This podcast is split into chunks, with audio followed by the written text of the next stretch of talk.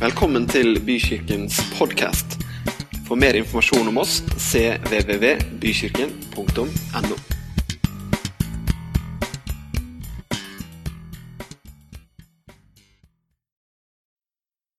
Dere, vi skal lese denne formiddagens tekst, dvs. Si teksten for uke to, som begynner i morgen. Og Før vi gjør det, så har jeg lyst til at du skal bli med meg på en liten bønn. Og Da gjør vi sånn som de gjør oppe. Jeg sier takk, kjære Jesus, for at du er her nå. Og for at du vil snakke til meg. Derfor så åpner jeg hjertet mitt for det som kommer fra deg. Det er godt, og det er sant. Amen. Flinke, altså. Nesten like flinke som de der oppe. Eh, denne uka og de tre neste ukene så er hovedoverskriften kort og godt 'Hva ville han?' Altså Jesus, Han er Jesus. Når vi snakker om han i kirka, så er det Jesus. Hva ville han? Han hadde vel en hensikt? Hva ville han? De tre neste ukene er det det det dreier seg om, og i dag så er tittelen 'Til vanlige mennesker'.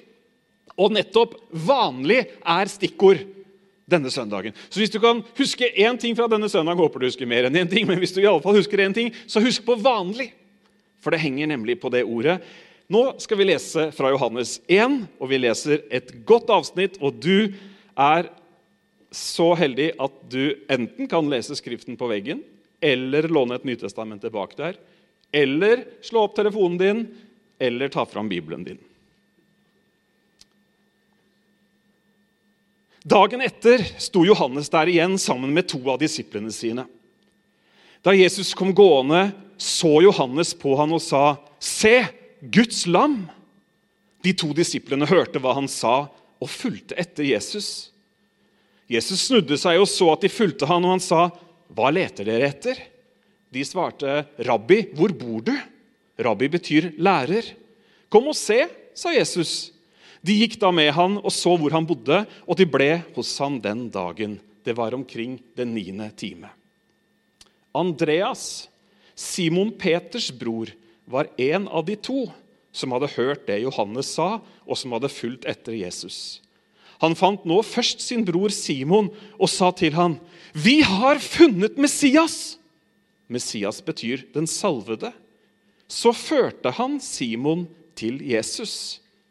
Jesus så på han og sa, 'Du er Simon, sønn av Johannes. Du skal hete Kefas.' Det er det samme som Peter. Dagen etter ville Jesus dra til Galilea. Da fant han Philip og sa til ham, 'Følg meg.' Philip var fra Betzaida, den byen Peter og Andreas var fra. Philip traff Natanael og sa til han, 'Vi har funnet ham som Moses har skrevet om i loven, og som også profeten har skrevet om. Det er Jesus fra Nasaret, Josefs sønn.' 'Kan det komme noe godt fra Nasaret?' sa Natanael. Philip svarte, 'Kom og se.' Jesus så Natanael komme gående og sa, 'Se, der er en sann israelitt, en som er uten svik.' 'Hvor kjenner du meg fra?' spurte Natanael. Jesus svarte, 'Jeg så deg før Philip ropte på deg, da du satt under fikentreet.' Da sa Natanael, 'Rabbi, du er Guds sønn. Du er Israels konge.' 'Tror du fordi jeg sa at jeg så deg under fikentreet?' sa Jesus. 'Du skal få se større ting enn dette.' Så sa han, 'Sannelig, sannelig, jeg sier dere:" Dere skal se himmelen åpnet og Guds engler gå opp og gå ned over menneskesønnen. Med denne, test, med denne, tekstbakgrunnen så går vi inn i uke to, og vi skal se på ulike ting av uh, ulike ting som skjer her, og ikke minst hva det angår oss. Jeg sa i stad at stikkord er 'vanlig'. Det første jeg har lyst til å snakke om i dag, er at Jesus kom til vanlige mennesker. Jeg vet ikke du, eh, hvor du kategoriserer deg sjøl hen. Du skal slippe å rekke opp hånda, og så videre, men regner du deg for å være et vanlig menneske? Nei, noen rister bestemt på hodet, andre sier ja. Det spørs jo hva vi mener med et vanlig menneske. Vi liker noen ganger å tenke at vi er litt sånn eh, ja, Vi er ikke helt som alle de andre. Har du noen naboer som du tenker 'Å, du, jeg er glad jeg ikke er som dem'? Når de drar fram gressklipperen sånn i nitida på lørdag kvelden Er du et vanlig menneske? Ofte så liker vi å tenke at vi er, kanskje er noe litt sånn over alle de andre. og, og så videre. Noen har kanskje tendenser til å falle der. Andre de på en måte, de eh, er mer prega av tiår med en jantelov, og man tror på en måte at ikke man er noe i det hele tatt. Men poenget er at Jesus han kom til mannen i gata. Han kom til vanlige folk. Når Gud ville gjeste jorden, når han ville sende sin sønn til jorda, så kom han til vanlige mennesker. I Johannes 1 så står det Dette var vi så vidt innom forrige uke. Han var, vers 9-12, han var i verden, og verden er blitt til ved han. Men verden kjente han ikke. Han kom til sitt eget, og hans egne tok ikke imot han. Men alle som tok imot ham, dem gav han rett til å bli Guds barn, de som tror på hans navn. Vi skal ta et annet vers også. Det står i Filippebrevet 2, vers 6-8. Han var i Guds skikkelse og så det ikke som et rov å være Gud lik, men ga avkall på sitt eget, tok på seg en tjenerskikkelse og ble menneskelik.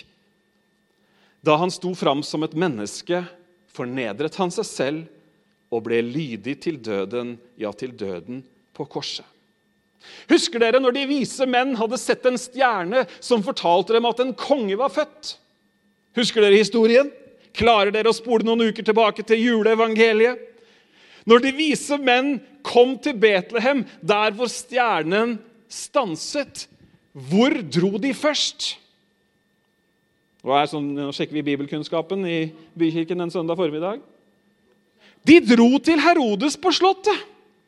For de tenkte at hvis en konge har kommet, så må det jo være sånn at den kongen han er blant de kongelige. Han er født på Slottet, han er av kongelig ett osv.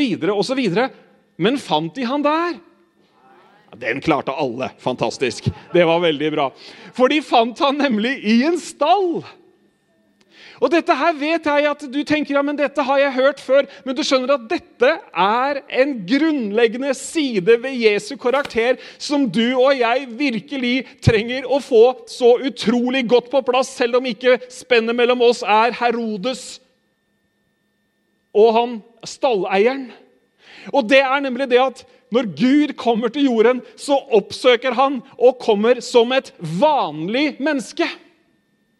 Sånn som, han kommer til sånne som deg og meg. Ofte så tenker vi at vi, nei, vi er ikke helt gode nok. Vi har ikke tatt oss helt sammen nok. Vet du hva? Jesus han kom til, uf, kom til mennesker som var fulle av feil og mangler. Han kom ikke som en konge, som en som var høyt på strå. Og dere, han vokste opp Altså Kunne han ikke i hvert fall vokst opp i tempelet? da?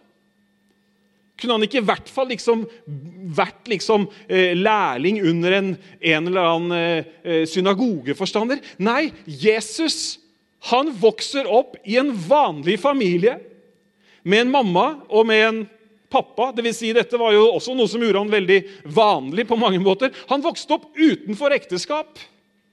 Josef var snekker. Maria var en vanlig, ung tjenestekvinne. Han fikk søsken. Han vokste opp blant vanlige mennesker. Derfor så sier jo Philip kan det komme noe godt fra Nasaret? Altså, Det var ikke Oslo vest, det var ikke de rette strøkene, det var ikke de rette adressene, men det var Nasaret. Jesus kom til vanlige folk. Og det stopper ikke der med at han kom til vanlige folk. For når Jesus begynner å nærme seg at han skal sette i gang med det han egentlig vil gjøre Det er jo det vi spør om i dag. Hva ville han? Så var det vanlig på den tiden Når man var en eller annen type mester, og det skjønte de jo, da. De kaller han jo rabbi her. ikke sant? De skjønte liksom bare på måten han snakka på, det han dro fram. og eh, Dere husker situasjonen når de var i Jerusalem, ikke sant? Og, og han ble sittende der i fars hus, og de undret seg over hans visdom osv. Men når han så skal begynne virksomheten sin og velge seg disipler og dere, Det var helt vanlig at de lærde hadde disipler på den tiden. Det var ikke sånn at de eneste tolv disiplene eller de eneste disiplene i verden var de tolv disiplene. Nei, alle, ikke alle, men alle lærde de hadde disipler. Vi hørte jo fra denne historien at Johannes hadde disipler. Og Sånn kunne du gå og finne andre mennesker som også hadde disipler. Og Disiplene de pleide de å velge ut fra de ungdommene som hadde best forutsetninger for å bli nye mestere, nye rabbier, nye som kunne ta ting videre. Alle guttebarna de lærte loven. De måtte kunne dette her, det var overlevert fra fedrene, de var i synagogen osv. Men det var da, sånn som det er nå, at noen hadde anlegg for å lese mye og lære mye og huske mye, mens andre hadde mer praktiske anlegg. Og det var vanlig når du skulle velge disipler. Vet ikke om du har blitt valgt som disippel noen gang? Det nærmeste jeg har blitt, nærmeste, eller Den mest synlige utvelgelsen jeg har vært, det er gymtimen på barneskolen. Da var det utvelgelse to ganger i uka. Det var ikke godt for selvbildet for noen av oss. For de valgte jo den de tenkte at hadde det som skulle til for å vinne hjørnefotballen. Jeg var aldri blant de som ble valgt først. Jeg arbeida meg oppover, så jeg endte til slutt med at jeg ikke alltid ble valgt sist heller. Men jeg kjente på den smaken også. Det kan kanskje noen andre kjent på også. Men når Jesus valgte disipler, så var det ikke sånn at han tenkte ok, nå, vi, nå, har vi etablert en ny trosretning her. Nå har vi noen gode filosofier som vi ønsker at etter hvert skal vinne over de greske filosofiene. Vi ønsker at dette skal bre seg til hele jorda. Nå må vi se litt rundt meg. Hva har vi i kurven? Hvem er innenfor rekkevidde? Jeg tror jeg ringer Nei, det var vanskelig den gangen. Jeg tror jeg kontakter noen av synagogeforstanderne og prøver å finne ut hvem er det som utmerker seg når dere, når dere leser loven. Det var sånn de gjorde når de valgte disipler. Det var liksom vanlig kutyme. Men her gjør Jesus altså det stikk motsatte. Altså, Han har jo allerede begynt litt sånn mot, motsatt. Han har, Mozart, holdt jeg på å si. Han hadde nok blitt valgt først hvis du skulle drive med noe annet. Men hva var det Jesus gjorde? Han, altså, han hadde allerede begynt litt motsatt. Han gjorde entré i en stall. De første vitnene var gjetere. Altså, Dårlig taktikk. Sånn egentlig. Elendig strategi, hvis du liksom virkelig skal spre noe. Men han hadde begynt i den rekka, og han fortsetter. Så når han skal velge seg disipler, så ser det jo nesten ut som han tar de som detter i hans vei. Oi! Er du lei av å bøte garn? Neimen, skjønner du? Har du en bror òg, eller så tar vi med han òg? Det kan noen ganger se ut som liksom det, det, det, det som liksom La oss gjøre det fort og gæli. Nå hadde han brukt mye tid i bønn, altså. Det hadde han. Han hadde det. Vi må få med oss det også. Men det ser veldig merkelig ut. Jeg lurer på hva de andre forstår seg på, hva de andre religiøse ledere Jeg lurer på hva de tenkte når han der unge, lovende Jesus fra Nasaret Han er virkelig et eller annet spesielt, men nå har han fått seg disipler! Altså Ikke det at vi hadde veldig tro på dette, men nå har vi mista all tro. Jesus kom til vanlige mennesker. Og så kjenner vi resten av historien. For det er noe som er annerledes med denne Jesus kontra de andre som har disipler på denne tida. For disiplene til Jesus de følger ikke en studieplan. De har ikke obligatorisk fremmøte og fire innleveringer per halvår. Men disiplene til Jesus lever livet sammen med Jesus. Han gir seg selv til dem.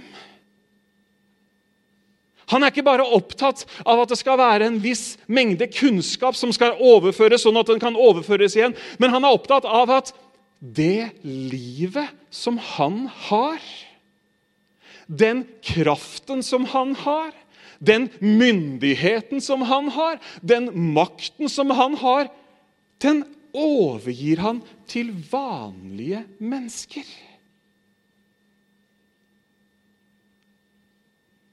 Og dere, med all respekt Hvis denne bulkegjengen unnskyld uttrykket, kunne få til noe, ja, da tror jeg det er veldig mulig at også du og jeg kan få til noe.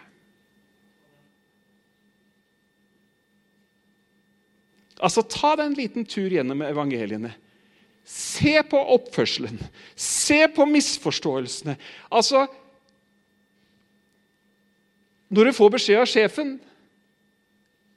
om 'vik bak meg, Satan', for dette skjønner du ingenting av Altså, snakk om krenkelse. Altså, det, det, var vanlige mennesker med feil, med mangler, men som fikk en mulighet til ikke bare 100 dager med Jesus, men tre år med Jesus. Og så fikk de overgitt et oppdrag. Og til og med når han fysisk forlot dem, dere, så var han fortsatt hos dem ved Den hellige ånds kraft boende på innsiden. Jesus kom til vanlige mennesker. Jeg vet ikke om noen av dere har sett denne greia her på TV. Jorden rundt på seks steg. Nå har jeg sett at det har vært ulik diskusjon om faglig nivå og så på det de sier om disse landene de drar i. Jeg syns det var ganske god underholdning. Eh, noen av disse parene som var på tur, de eh, hadde veldig høy, høy, høy, energi i alt å gjøre, og man kunne bli litt andpusten et par vendinger. Men altså, dette går jo ut på at ethvert menneske er bare seks håndtrykk fra et hvilket som helst annet menneske på jorda. Six degrees of separation. Ikke sant?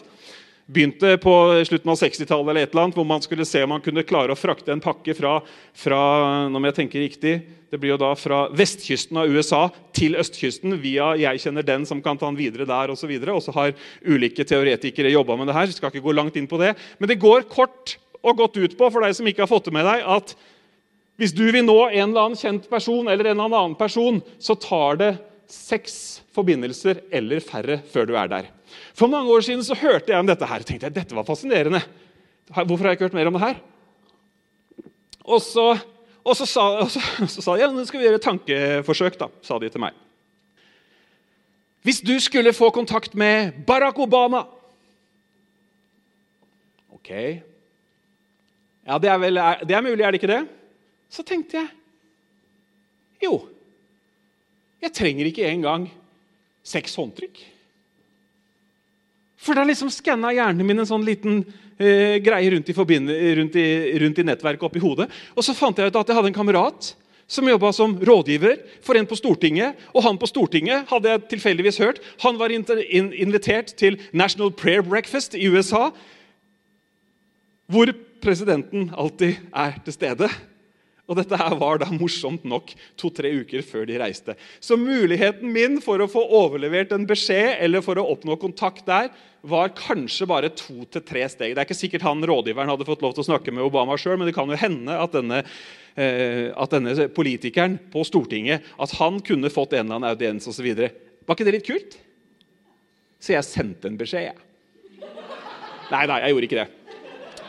Men jeg har angra så mange ganger etterpå at jeg hørte om en sånn teori og hadde en mulighet til å liksom sende et kort med en kattepus på, eller altså et eller annet bare sånn der I've been in touch with him. ikke sant? Men denne teorien går da ut på ikke sant, at vi, vi, er jo, vi er jo ikke så langt fra verden. Og hvis det er sånn at det bare er seks forbindelser unna hvem som helst, hvor mange forbindelser har ikke vi da til alle andre mennesker? De fleste i ditt nettverk er jo du bare ett eller to håndtrykk fra, faktisk. I Bibelen her så leste vi et stykke. Det var to disipler som fulgte etter Jesus, og han ene av dem, han het Andreas. Og hva var det han gjorde? Han henta broren sin Simon Peter, han som ble kalt Kefas. Og så står det at han førte Simon til Jesus. For en del år siden ble det gjort en undersøkelse blant kristne. Og så ble det stilt følgende spørsmål, og så skulle du sette kryss. Eh, og det ene, to, Svaralternativene var rundt spørsmålet hvordan de hadde kommet til tro. hvordan det hadde skjedd. Så var det ene ved at du selv oppsøkte en kirke på eget initiativ. Kryss av. Hvis det var, hvis det var sånn liksom, du kom i kontakt med Jesus. Det andre spørsmålet, eller andre statementet var at du kom til tro ved at noen inviterte deg med. På det første spørsmålet så var det i underkant av 1% som huka av. På det andre spørsmålet, eller det andre svaralternativet ved at noen inviterte deg, så var det da altså i overkant av 99% Dere, vi snakker om fra vanlige mennesker til vanlige mennesker. Det er nemlig sånn at Et møte med Jesus det videreformidles nesten alltid av gode venner. Vi stiller spørsmålet i dag hva er det han ville? Hva ville han? Det var det han ville. At bevegelsen som starta når Andreas tok med seg Simon til Jesus, at det skulle fortsette. Og du vet, venner jeg vet ikke hvordan det er med deg, men i hvert fall mine venner, og jeg tror det er sånn med alle venner, altså jeg håper du har mange gode venner. Venner de gir jo gode anbefalinger, ikke sant? Deler erfaringer, reisetips. Nå er det gode priser der. Pappa ringer noen ganger hvis det er sånn kjempegode tilbud på et eller annet. Så ringer han og sier du, nå er det 60% på nye dekk på Kilen. Jo, men det er jo gode venner, ikke sant? Så jeg fikk jo kjempedyre sommerdekk til uh, veldig fin pris her i sommer. Gode venner deler jo tips. Vi åpner dører, vi viser vei osv. Her for uh, noen måneder siden så var det ei dame utenfra byen som uh, har en hytte her i området. Og så sier hun 'Jeg trenger en god snekker'. Kjenner du en god snekker? Hva tror du jeg sa da? Ja, jeg sa jeg kjenner en som er den beste, sa jeg. Gjør du det? sa han. Han er rågod. Og så dro jeg en skrytehistorie av dimensjoner av han som, Torgeir som sitter her. Og jeg tror, jeg tror faktisk det ble et oppdrag. Ja, men Er det ikke sånn vi gjør da, dere, med vennene våre?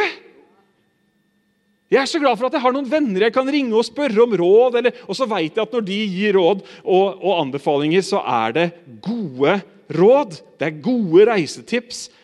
Og det er faktisk litt også sånn at Når noen liksom har gitt den personlige anbefalingen av noe, så veier det veldig mye tyngre enn sånn TV 2-test på nettet. Ikke sant? Dette kjøpte vi. Dette funka veldig bra. Dere, Når vi forteller andre om våre opplevelser, når vi gjør som Andreas Du, vi har funnet Messias! Han drar ikke en helt argumentasjonsrekke, men han tar han med til Jesus. Når vi deler vår historie, våre erfaringer med andre, så er vi med på å bygge en bro til tro for andre mennesker rundt oss. Og Derfor så kommer det en snikreklame inn her nå. Nå er det reklamepause. Du rekker ikke å gå på do eller å fylle kaffekoppen, men vi har en bok her ute for salg som heter 'Bro til tro', som handler om akkurat dette. Gode, personlige historier. Flott, enkel eh, beskrivelse av hvordan vi kan være med på å, å, å, å, være eller bygge en bro til tro for menneskene rundt oss. Så Den har vi noen få igjen av. Den får du kjøpt der ute etterpå. Så kommer reklamen. Og du skjønner Det at det, det handler ikke om at du og jeg skal ha alle svarene. Men det handler om at det du og jeg forteller, vår personlige opplevelse, den er så mye sterkere enn alle mulige argumenter. Jeg var ute på ski her for et par dager siden. og så, Det er morsomt ute i verden. Apropos six, uh, six uh, steps of separation. Liksom Du er langt av gårde og går på ski langt inn i bushen, og så jammen ikke så møter du en du kjenner. Og så blir vi stående og prate litt. Han er en vann på Hva skal man si? Han har ikke fulgt så mange år igjen som meg. Fant ikke noen bedre måte å si det på. En godt voksen mann. Og så kommer vi inn på dette med tro, Utfordringer og det ene og det andre. Og så forteller han om en i en klubb han var med, som hadde det vanskelig. Og så sier han, så sa jeg til ham på telefonen Ja, du veit, jeg har jo en å gå til. Og så sier han litt sånn unnskyldende med en gang. Men jeg skulle jo ønske at jeg hadde så mye mer å fortelle. Men så måtte jeg bare gi han litt trosstyrke der. vet du, Pastoren er alltid pastor. Så sa jeg, for et vitnesbyrd det er i møte med noen som har en vanskelig tid i livet. Bare det å kunne si 'Jeg har jo en jeg kan gå til med alt'. Det er ikke en argumentasjonsrekke. Det er ikke svar på de store eksistensielle spørsmålene. Men det er et vitne, det er en historie, og våre ord de betyr veldig mye. La oss være sånne som kan være med på å bygge en bro til tro. I 1934 så var det en ung mann på 24 år i USA som heter Albert McMackin en bondetamp langt ute på prærien som hadde blitt frelst. Han hadde tatt imot Jesus, og han, akkurat som Andreas, han hadde funnet Messias. Og det var en brann i han etter å fortelle andre. Og Så fant han ut at inne i nærmeste lille tettsted så var det noen teltmøter. Og så tenkte han dette må jo, dette må jo de rundt meg også få, få, lov til å oppleve. Så han bruker den der lille lastebilen sin og så kjører han ungdommer hver kveld inn på de teltmøtene. Men så er det en kar som han liksom har lagt merke til, og som han kjenner litt, men som han aldri får med seg. Han er 16 år, liksom skikkelig prime time guy. ikke sant? Og det er jenter som gjelder, og det er moro, og det er det ene og det andre. Og Han får, liksom, han får med de andre, men han får aldri han er siste med. Men han gir seg ikke kveld etter kveld. vet du.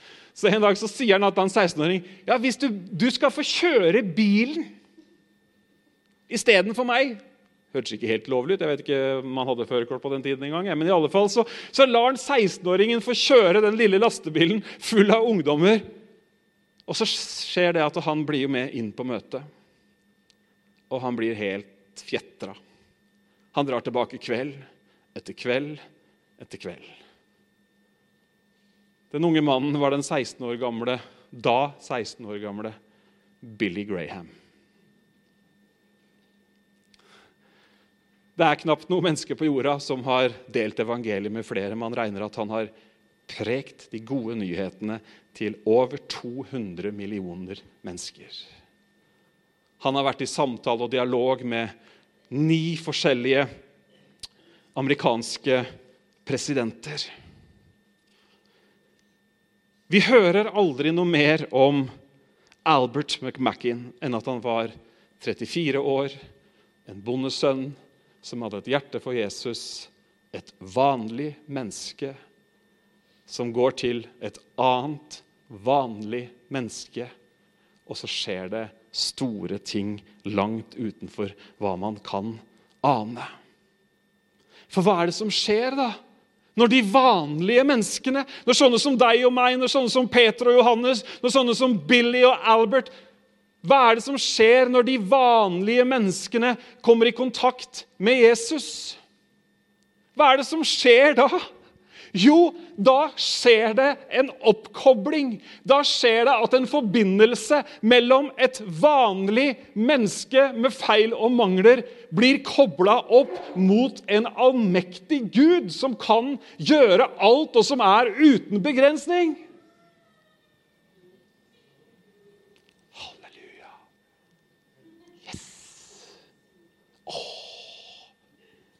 Det er håp for vanlige mennesker som deg og meg. Hva er det som skjer? Hva ville han? Hva vil han at skal skje? Hva vil Jesus at skal skje? Hva er fortsettelsen av historien? Hva var det han ville da han forlot himmelen for å komme hit ned? Jo, han ville at du og jeg skulle først koble med han, sånn at vi kan koble med andre mennesker. Sånn at vanlige mann i gata med feil og mangler, med dårlige dager og gode dager og sykdommer og smerter og utfordringer og brutte relasjoner skulle koble med Jesus. Takk for begeistringen. Det er nemlig det det faktisk dreier seg om. At vi kan koble med Han. Hva er det som skjer når vi kobler med Han? Har du lest dag syv i dag? Eller kanskje du skal lese det i kveld. Der står det om at det er som om vi blir en helt ny person når vi blir født på ny. Og så skriver forfatteren så fint det er ikke det at vi kan gjøre noe med det som har vært, men vi kan gjøre noe med måten vi takler det som har vært på. Og vi får en ny framtid. Vi blir ikke en ny menneske i fysisk form, men vi får faktisk en ny identitet når vi kobler med Han. Det er som å gå fra ett rike til et annet. Og du vet, Når du går fra ett rike til et annet rike, vet du hva? da får du nytt personnummer. Du bør holdes litt på vent. da når Julia flytta til Østerrike, så fikk hun sånn såkalt D-nummer en stund. Det var ikke B-nummer engang, men det var D-nummer. Sånn gjør de når de kommer fra langt nede i Europa. Men etter en stund ikke sant, så kom det jo et nytt personnummer. Et nytt nummer som sier noe om hennes rettigheter i Guds rike. Hva er det som skjer i Guds rike? var det så? Ja. Jeg er jo miljøskala. vet du. Det blir Guds rike og kongerike og alt sammen. Bær over med meg så kan, så kan jo hvem som helst prøve å stå her i 30 minutter. Så skal jeg telle feil. Nei da. Men ikke sant? En ny identitet. Historien blir annerledes. Framtiden blir annerledes. Du blir kobla med himmelen, sier Bibelen. Og det er ikke bare at Bibelen sier det, men erfaringen tilsier det. Vitnene er mange om et før og et etter. Vitnene er mange om dager uten Jesus og hvordan de var annerledes enn dager med Jesus. Halleluja! Hjelp! Styrke! Kraft! Vi trenger det. Du skjønner at vi får det er, det er, nesten for godt til å være sant. For hva er det som skjer når vi kobler med Jesus? Hva er det som skjer når du blir kjent med en som har noe som du kunne trenge? Du vet, Egentlig så burde du ha gode venner blant alle håndverkere og blant alle profesjoner, sånn at du alltid har tilgang til alt det verktøyet og de, all den kunnskapen som fins. Hallo? Er du en sånn som noen ringer når de skal låne verktøy? Nei, det veit jeg, for du ringer meg. Men du skjønner, det er egentlig et veldig godt bilde. For det som skjer når vi kobler med Jesus, det er at vi får låne noe som er hans. Hæ? Er det en ny lære? Nei, vi får låne, vi får gjøre oss bruk av noe som han allerede har. Hva har han? Ja, Vi kan jo starte med seier over døden. Vi kan fortsette med fred som overgår all forstand. Vi kan fortsette å si 'håp' når alt håp er ute. Koble med Jesus. Å, det er fantastisk. Oi, oi, oi, oi, oi. Hva var det han sa til disiplene? Slapp av, folkens. Dere skal ikke bli etterlatte som om dere er sånne foreldreløse barn på leir. Men det kommer Jeg kommer til dere. Det kommer en som har alt det jeg har. Han flytter inn i dere, og han skal ikke reise bort, men han skal bli i dere! Står det i Johannes evangelium. Litt lenger ut. Det er på ca. dag 87 eller et eller annet. Nei, jeg har ikke så god oversikt. Men skjønner du?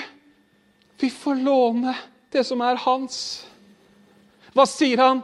Min fred gir jeg dere.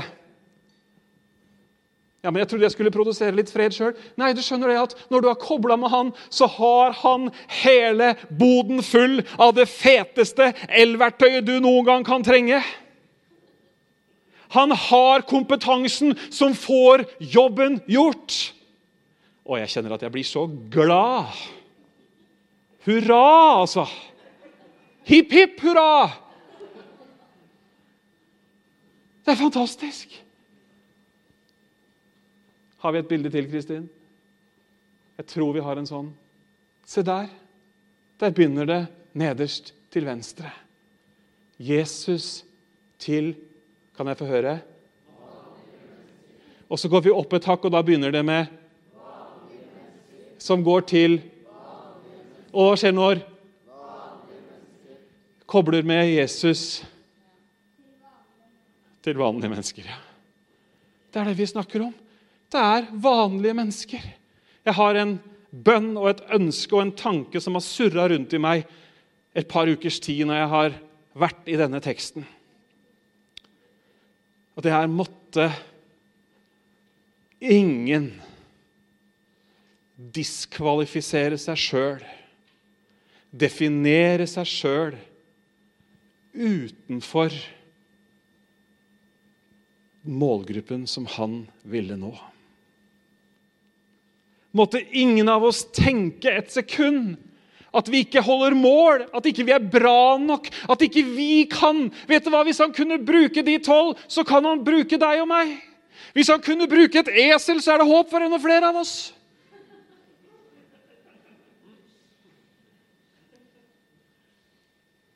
Han har kommet og han har vist ved hele sin livsferdsel at han er Jesus. Han er Guds sønn. Når de kritiserte han for å henge med feil folk, så parerte han og si det er jo akkurat disse jeg har kommet for å være sammen med. Sånne som deg og meg, dere. Sånn at sånne som deg og meg ikke lenger blir bare sånne som vi allerede er. Men i vår skrøpelighet så fyller han oss med sin ånd. Og så får vi være en Albert som lurer med en 16-åring på møte. Så får vi være en Andreas som tar med broren, sånn at han får høre og møte Messias. Og så står vi her et par tusen år seinere som en del av en verdensvid bevegelse som ingen kan forklare hvordan har blitt det den har blitt. Fordi vanlige mennesker Han kom til vanlige mennesker.